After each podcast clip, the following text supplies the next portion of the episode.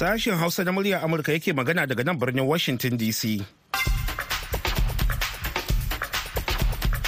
Masu sauraro Assalamu alaikum da fata an tashi lafiya.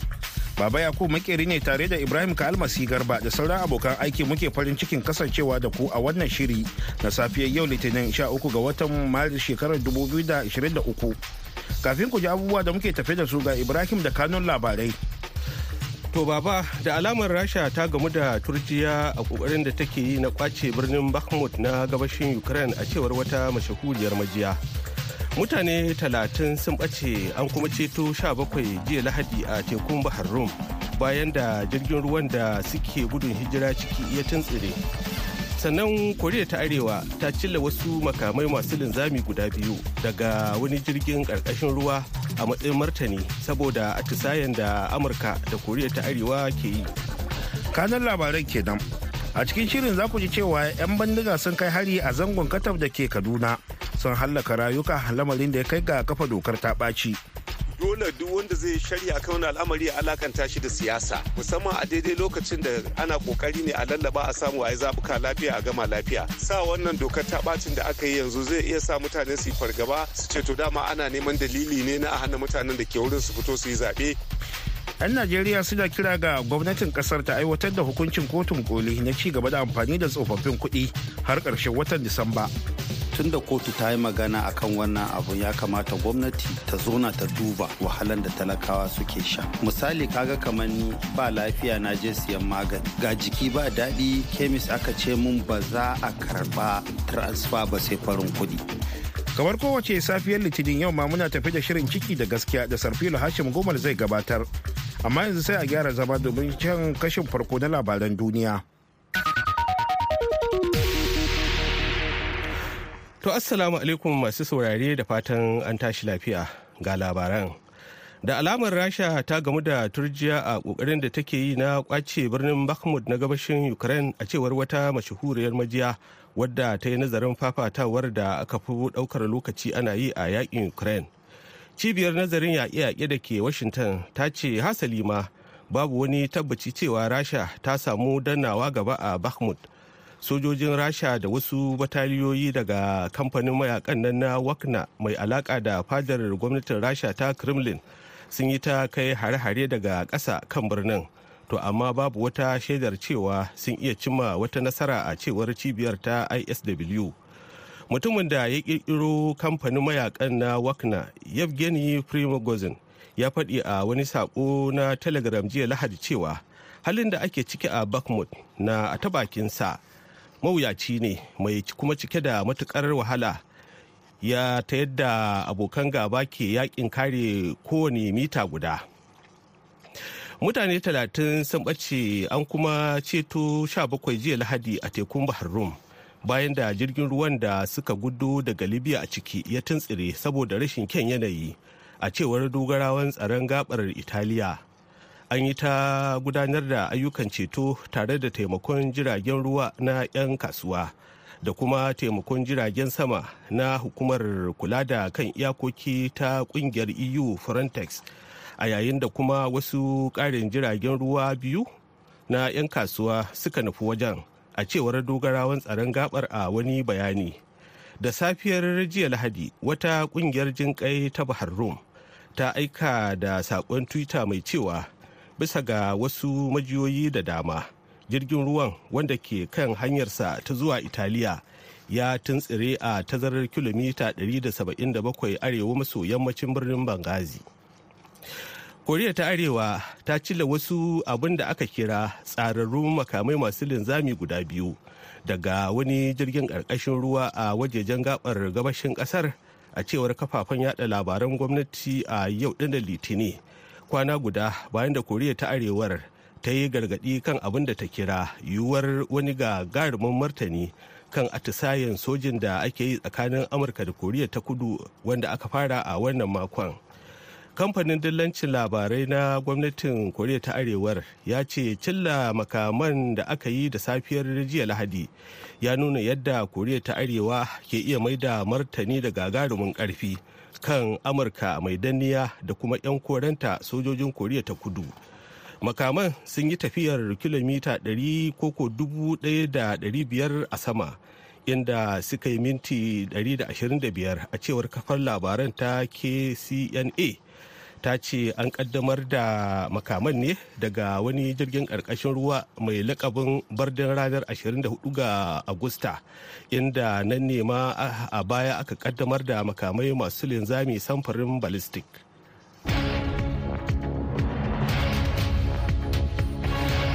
To an jima kaɗan Ibrahim zai sake shigowa da ci gaban labaran duniya. Amma yanzu bari mu je ga rahotanninmu. Bayan samun sauƙi na hare-hare 'yan bindiga a sassa daban-daban na jihar Kaduna na ɗan wani lokaci.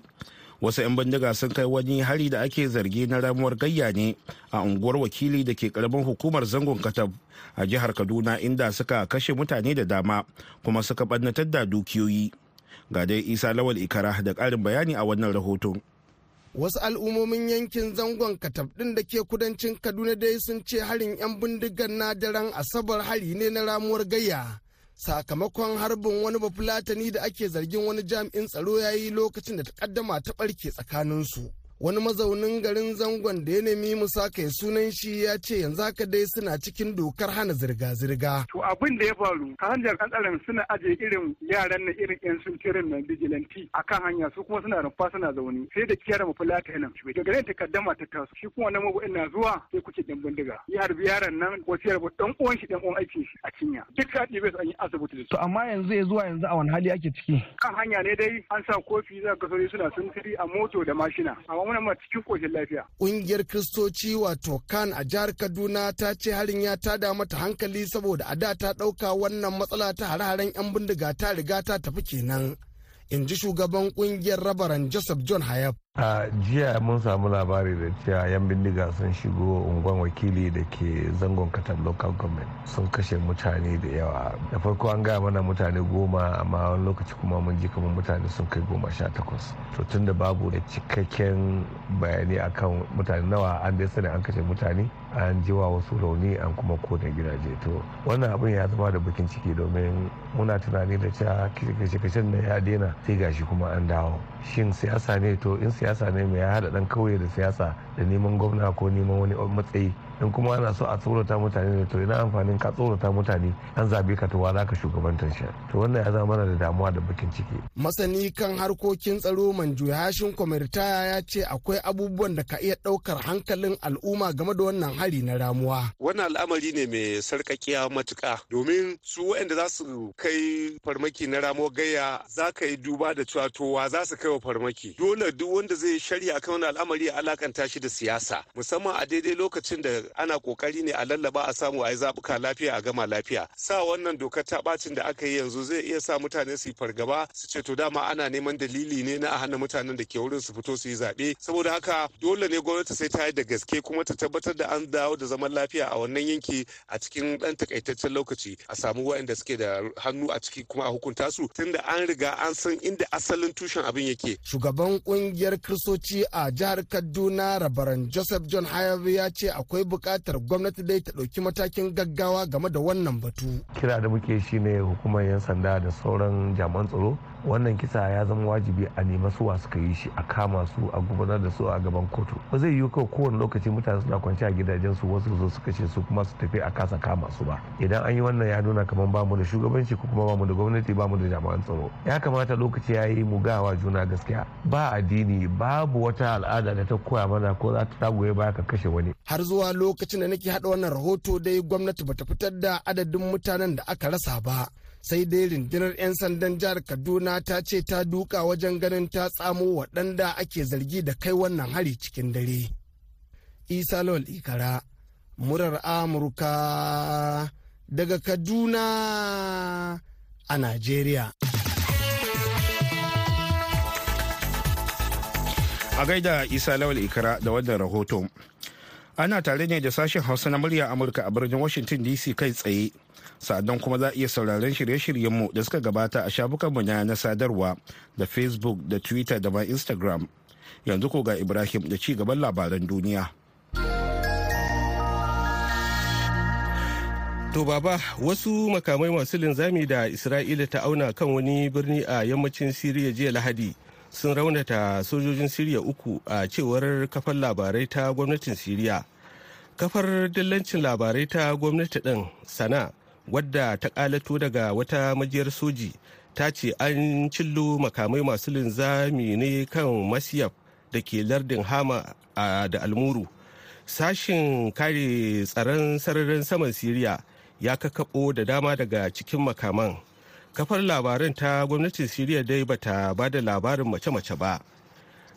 To sai dai ƙungiyar adawa mai bibiyar yaƙi wadda ke da mazauni a birtaniya mai suna ƙungiyar sa ido kan batutuwan 'yancin dan adam a siriya ta ce harin ya jira kan wani rumbun makamai na mayaka masu samun goyon bayan iran inda ya yi sanadin mutuwar sojoji uku ba tare da cikakken bayani kan ɓangaren da sojojin suka fito ba. A ƙarshe ƙungiyar isis ta yi ikirarin cewa ita ta kai wani harin bam jiya lahadi wanda ya yi sanadin mutuwar wani mai gadi tare da raunata wasu 'yan jarida da yara a birnin mazar sharif da ke arewacin afghanistan a wannan makon. Harin bom ɗin wanda aka kai shekaran jiya asabar ya faru ne yayin da koko yayin wata hidima ta karrama wasu 'yan jaridar afghanistan kuma ya zo ne kwana biyu bayan wani dan kunar bakin wake ya hallaka gwamnan lardin bak mai ra'ayin taliban harin da shi ma isis ta yi ikirarin kaiwa. Mayakan isis sun kai harin ne kan 'yan jarida ta wajen dana wani ƙunshi makale da bom a wurin wannan hidimar. Wadda aka yi a wani dandalin raya al'adu da ke mazar sharif headquarter lardin balk. A cewar isis a wani bayanin da ta yi a shafinta na yanar sadarwa na amak a gaida ibrahim garba da ya karanto mana labaran duniya daga nan sashen hausa na murya amurka a birnin washington dc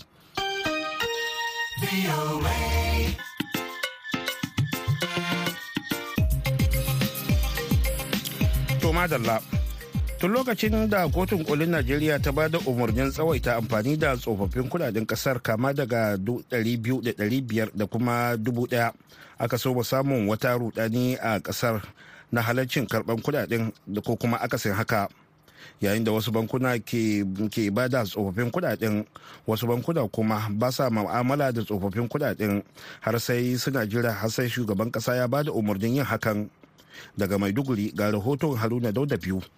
Tun ba da wannan umarni na kotun kolin Najeriya. Tun da farko dai an keɓe 31 ga watan Janairu a matsayin ranar da za a dakatar da karɓan waɗannan tsofaffin kuɗaɗe wanda daga bisani ƙara sati guda. Har ma shugaba Muhammadu Buhari ya yi jawabi yana mai cewa ya san wahalhalu na jama'a ke ciki. Don hakan ya ba da umarnin cewa a ci gaba da mu'amala da ɗari biyu wanda shine mafi karanci a cikin su wanda yanzu kuma ake hakan. Sai dai gwamnan babban bankin Najeriya Mr. Godwin Emefiele ya ambato cewa a shekarar 2000 goma sha biyar. Babban bankin najeriya tana da tiriliyan ɗaya da ɗigo huɗu ne kawai. Ko da aka tasan ma tafiya a shekarar dubu biyu da ashirin da biyu ta tasan ma tiriliyan uku da ɗigo ashirin da uku. Kuma a cikin waɗannan kuɗaɗe ana tiriliyan biyu da ɗigo bakwai ne a hannun jama'a. Wanda baya hannun bankunan. Wannan hukunci dai na kotun kolin najeriya ya sake jefa mutane cikin rudani yayin da wasu jama'a ke ganin cewa kotun kolin tana da ƙarfin faɗa kuma a aiwatar. Wasu su kuma ke ganin cewa shugaban ƙasa ne kawai ke da furicin ƙarshe. Hakan ya sake jefa al'umma cikin halin ƙarancin kuɗaɗen a hannun jama'a wadda tuni suka fara kira ga shugaban kasan ya yi wa Allah ya bi umarnin wannan kotu ya kuma yi wa 'yan Najeriya jawabi game da makomar wannan hukunci. Ga dai abin da suke cewa. Kamar yadda aka ce shi mabiyin mai son biyayya ne ga abubuwa da kotu ta zo da shi kuma yana son bin ka'ida. A gaskiyar magana shine a wannan lokacin ya kamata a ce mu gani a ƙasa ya bi ka'idan kotu. Abin da ya kamata shugaban ƙasa ya yi kenan. A babba daga cikin abubuwan da ya fi damun mu shine kamar rashin lafiya. Idan ka je ka asibiti ba za ma ka gane wato kai kai kai ba komai ba ne sai ka je asibiti da mara lafiya. In ka je zaka biya kuɗi a asibiti za su ce maka ba za su karɓi transfer ba. To ni ban san dokan ko ta tsallaka asibiti ba. Tunda kotu ta yi magana akan wannan abun ya kamata gwamnati ta zona ta duba wahalan da talakawa suke sha. Misali kaga kamar ni ba lafiya na je siyan magani. Ga jiki ba daɗi kemis aka ce mun ba za a karɓa transfer ba sai farin kuɗi. Ina nake da farin kuɗi ina na ga farin kuɗi. Ai ni da amma ana siyan abu din da farin kuɗi ne ba da transfer ba amma doka ne an je kuma ba a samu ba. Ni gaskiya ban ji daɗin wannan abu. In ya zo da karawan kwana ba ni ba wa'yansu ma da yawa ya faru haka. Kaga hakan bai dace ba. Duk wannan wahalan akan talaka ne. Kuma a gaskiyan zancen shine mu ba mu ji buhari ya fito da kansa ya ce a yi amfani ko federal government ta ce a yi amfani da wannan tsohon kuɗin ba. Gashi jama'a ana shan wahala. Kuma wannan application na tura kuɗin nan in ka tura sai ya hangin. Saboda ka gashi kuma azumi ya gabato muna rokon allah muna rokon shugabanni dan allah dan annabi su duba mana wannan al'amarin da muke ciki. Yanzu dai kotun kolin najeriya ta ba da ranar 31 ga watan disamban wannan shekara na 2023 a matsayin ranar za dakatar karɓar sababbin kuɗaɗen da aka masanya su da sababbi wanda kuma shugaba muhammadu buhari ya ce goma ga watan wannan afrilu za a dakatar da karɓar tsohuwar naira ɗari biyu wanda mutane ke jiran ganin cewa kowane umarni babban bankin najeriya za ta bi sakamakon karɓar wannan kudade da aka masanya su da sababbi. Haruna dauda biyu muryar amurka daga maiduguri a najeriya. To a gaida haruna dauda biyu da wannan rahoto. Wannan shirin na zuwa muku ne daga nan birnin washington dc yanzu ko ga shirinmu na gaba.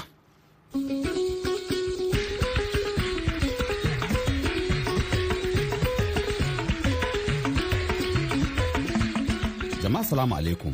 Masu sauraro barkan mu da shirin ciki da gaskiya da har kullum kan bukadin waɗanda aka zalunta. Yaƙi da almundahana kare haƙƙin ɗan adam bin gadon marayu haƙoƙin ma'aikatan da ke aiki da waɗanda suka yi ritaya da dai sauransu. A yau za mu ɗaura kan batun ƙorafin jami'an 'yan sandan Najeriya kan makalewar haƙƙinsu na aikin al'umma don samar da zaman lafiya a ƙasa. Ku kasance da mu cikin shirin sunana Sarfil Hashim Gunel.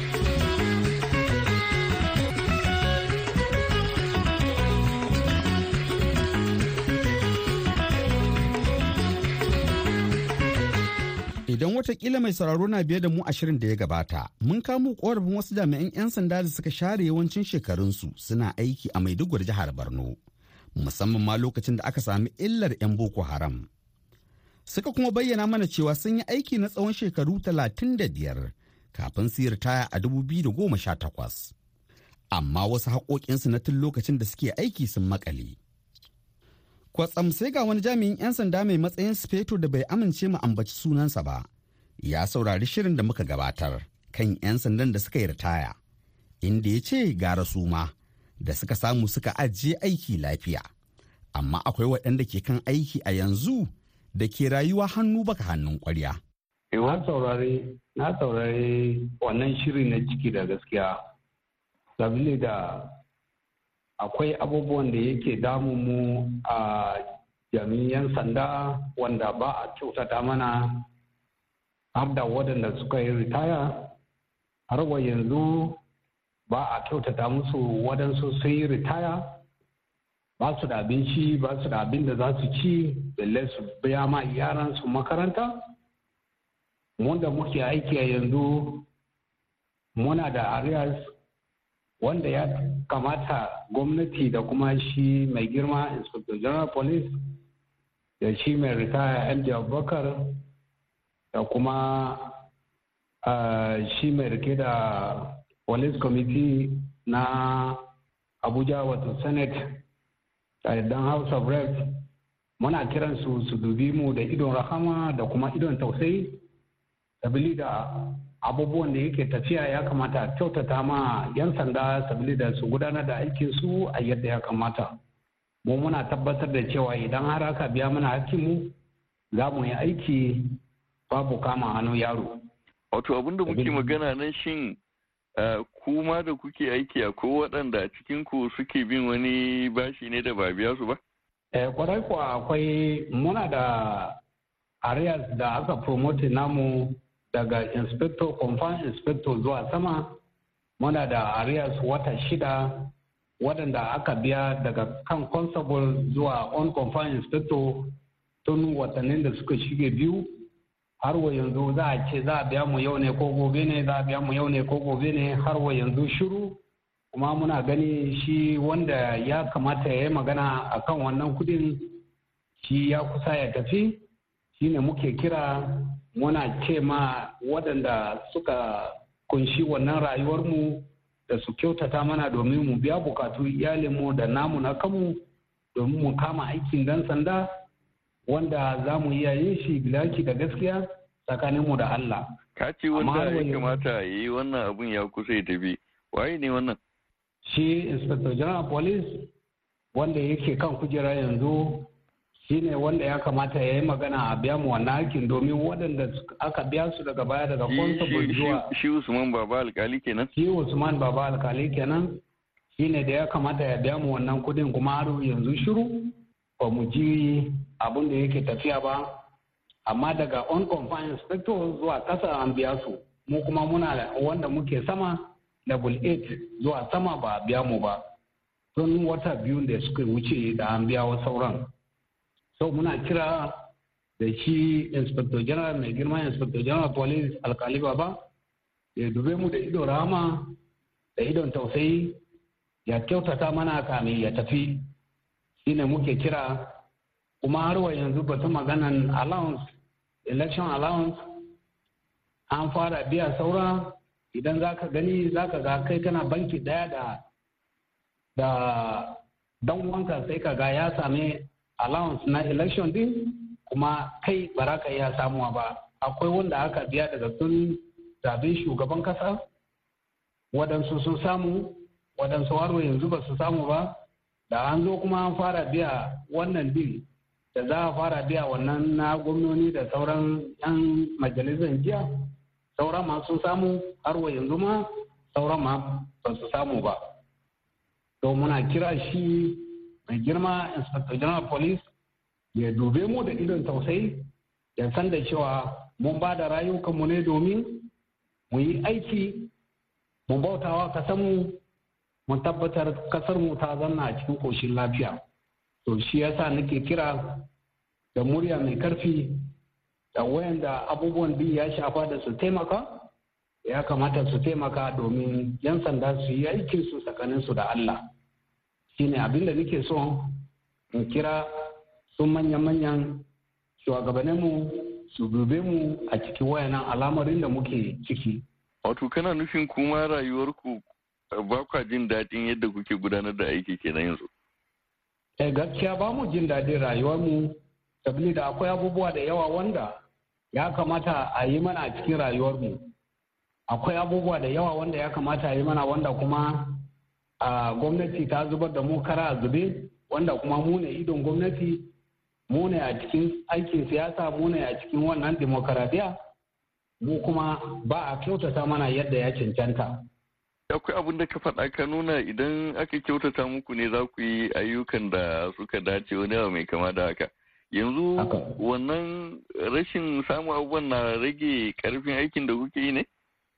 Kwarai kuwa yana ragewa yana ragewa sabili da idan har za ka iya bawa yaron ka fartinya wanda yake da kyau ya tafi gona da shi zai ya maka noman da ya cancanta. Domin idan baka bashi fartinya wanda ya cancanta ba to yaro nan ba zai maka noma da kuma aikin da kake buƙata ya yi maka ba. Sabili da akwai abubuwa da yawa wanda ya kamata a yi mana. Kaga batun maganan uniform tun da nake a rayuwana ba a taba ɗaukan uniform a bani ba. Daga cikin salari na ne nake daukawa in sai uniform da shi. Idan aka gani na fita da kyau ni aikin nakan ɗauki kuɗi daga cikin alabashin da ake bani in sayi nufin da shi in jinka da kuɗi na so akwai wayansu abubuwa da yawa wanda ya kamata a kyautata ma rayuwar dan sanda takalmi da sauran kayan sawa da sauransu amma kamar ni ban taba karɓan kyauta ko kuwa daga wurin hukumar yan sanda da cewa an raba mana kayan sawa na hukuma ba. Har kullum gwamnatin najeriya na nuna tana sane da matsalolin da 'yan sanda ke ciki kama daga waɗanda ke aiki har ma waɗanda suka yi ritayan. Cikin matakan gyara lamuran 'yan sanda har da soke rundunar 'yan sandan nan ta sas biyo bayan korafin jama'a kan jami'an da ke aiki a rundunar na cin zarafin jama'a ta hanyar ayyukan rashin imani. Har hakan ya kai ga mutane ba sa tausaya wa 'yan sanda idan suka faɗi wani halin neman taimako. Ministan 'yan sanda muhammadu mai gari dingyadi ya tabbatar da wannan batu na masaniyar gwamnati kan halin da 'yan sandan ke ciki da ke buƙatar a tallafa musu. kamar yadda na faɗa muna cikin juyayi ƙwarai da wannan abubuwan suka faru amma kamar yadda aka sani 'yan sanda a ƙasar nan sun daɗe suna fama da rashin kayan aiki da rashin kulawa da matsalolin wuraren zama da matsalolin ofisoshinsu da kayan aiki musamman. To wannan shi ya mai girma shugaban kasa ya fito da tsari-tsari iri-iri na ganin cewa an kyautata wannan matsayin.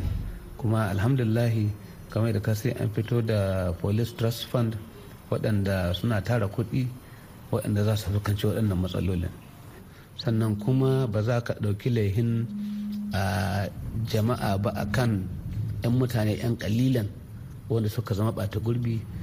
Domin in kan lura 'yan sanda a ko'ina cikin ƙasar nan suna ayyuka kuma ayyuka na alheri ayyuka kuma na a zo a gani.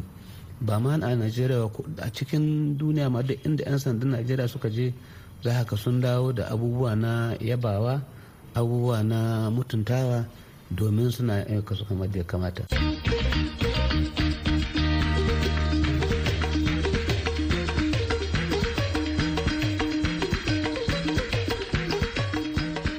Masu raro za mu ci gaba da saka ido don ganin waɗannan mazaje da suke wa ƙasa hidima don tabbatar da zaman lafiya da kwanciyar hankali a Najeriya. A kasance da mu mako mai zuwa idan Allah ya kai mu domin jin wani sabon shirin. Yanzu a madadin Nasiru Adamu Kaya daga nan birnin Washington DC, nisar fili hashin gumil ke cewa mu kasance lafiya. Da a gaida Sarfilu da jama'arsa. Da wannan ne kuma muka zo ga shirinmu na ƙarshe wato labarai amma a taƙaice. To a takaicen da alamar Rasha ta gamu da turjiya a ƙoƙarin da take yi na ƙwace birnin Bakhmut na gabashin Ukraine a cewar wata mashahuriyar majiya wadda ta yi nazarin fafatawar da aka fi ɗaukar lokaci ana yi a yaƙin Ukraine. Cibiyar nazarin yaƙe-yaƙe da ke Washington ta ce hasalima babu wani tabbaci cewa Rasha ta samu dannawa gaba a Bakhmut. sojojin rasha da wasu bataliyoyi daga kamfanin mayaƙan nan na wakna mai alaka da fadar gwamnatin rasha ta kremlin sun yi ta kai hare-hare daga ƙasa kan birnin. To amma babu wata shaidar cewa sun iya cimma wata nasara a cewar cibiyar ta isw mutane talatin sun ɓace an kuma samu ceto sha bakwai jiya lahadi a tekun bahar rum. Bayan da jirgin ruwan da suka gudu daga libya a ciki ya tuntsire saboda rashin kyan yanayi. A cewar dogarawan tsaron gabar italiya an yi ta gudanar da ayyukan ceto tare da taimakon jiragen ruwa na 'yan kasuwa da kuma taimakon jiragen sama na hukumar kula da kan iyakoki ta ƙungiyar eu frontex a yayin da kuma wasu ƙarin jiragen ruwa biyu na 'yan kasuwa suka nufi wajen. A cewar dogarawan tsaron gabar a wani bayani. Koriya ta arewa ta cilla wasu abin da aka kira tsararrun makamai masu linzami guda biyu daga wani jirgin ƙarƙashin ruwa a wajejen gabar gabashin ƙasar.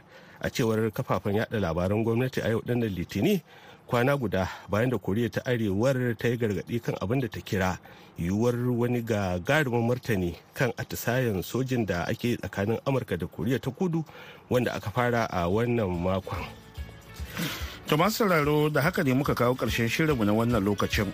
Idan allah ya kai mu a shirinmu na hantsi wanda ya yi daidai da ƙarfe 8 agogon najeriya niger kamaru da chadi da kuma yi daidai da ƙarfe 7 agogon gmt da ghana.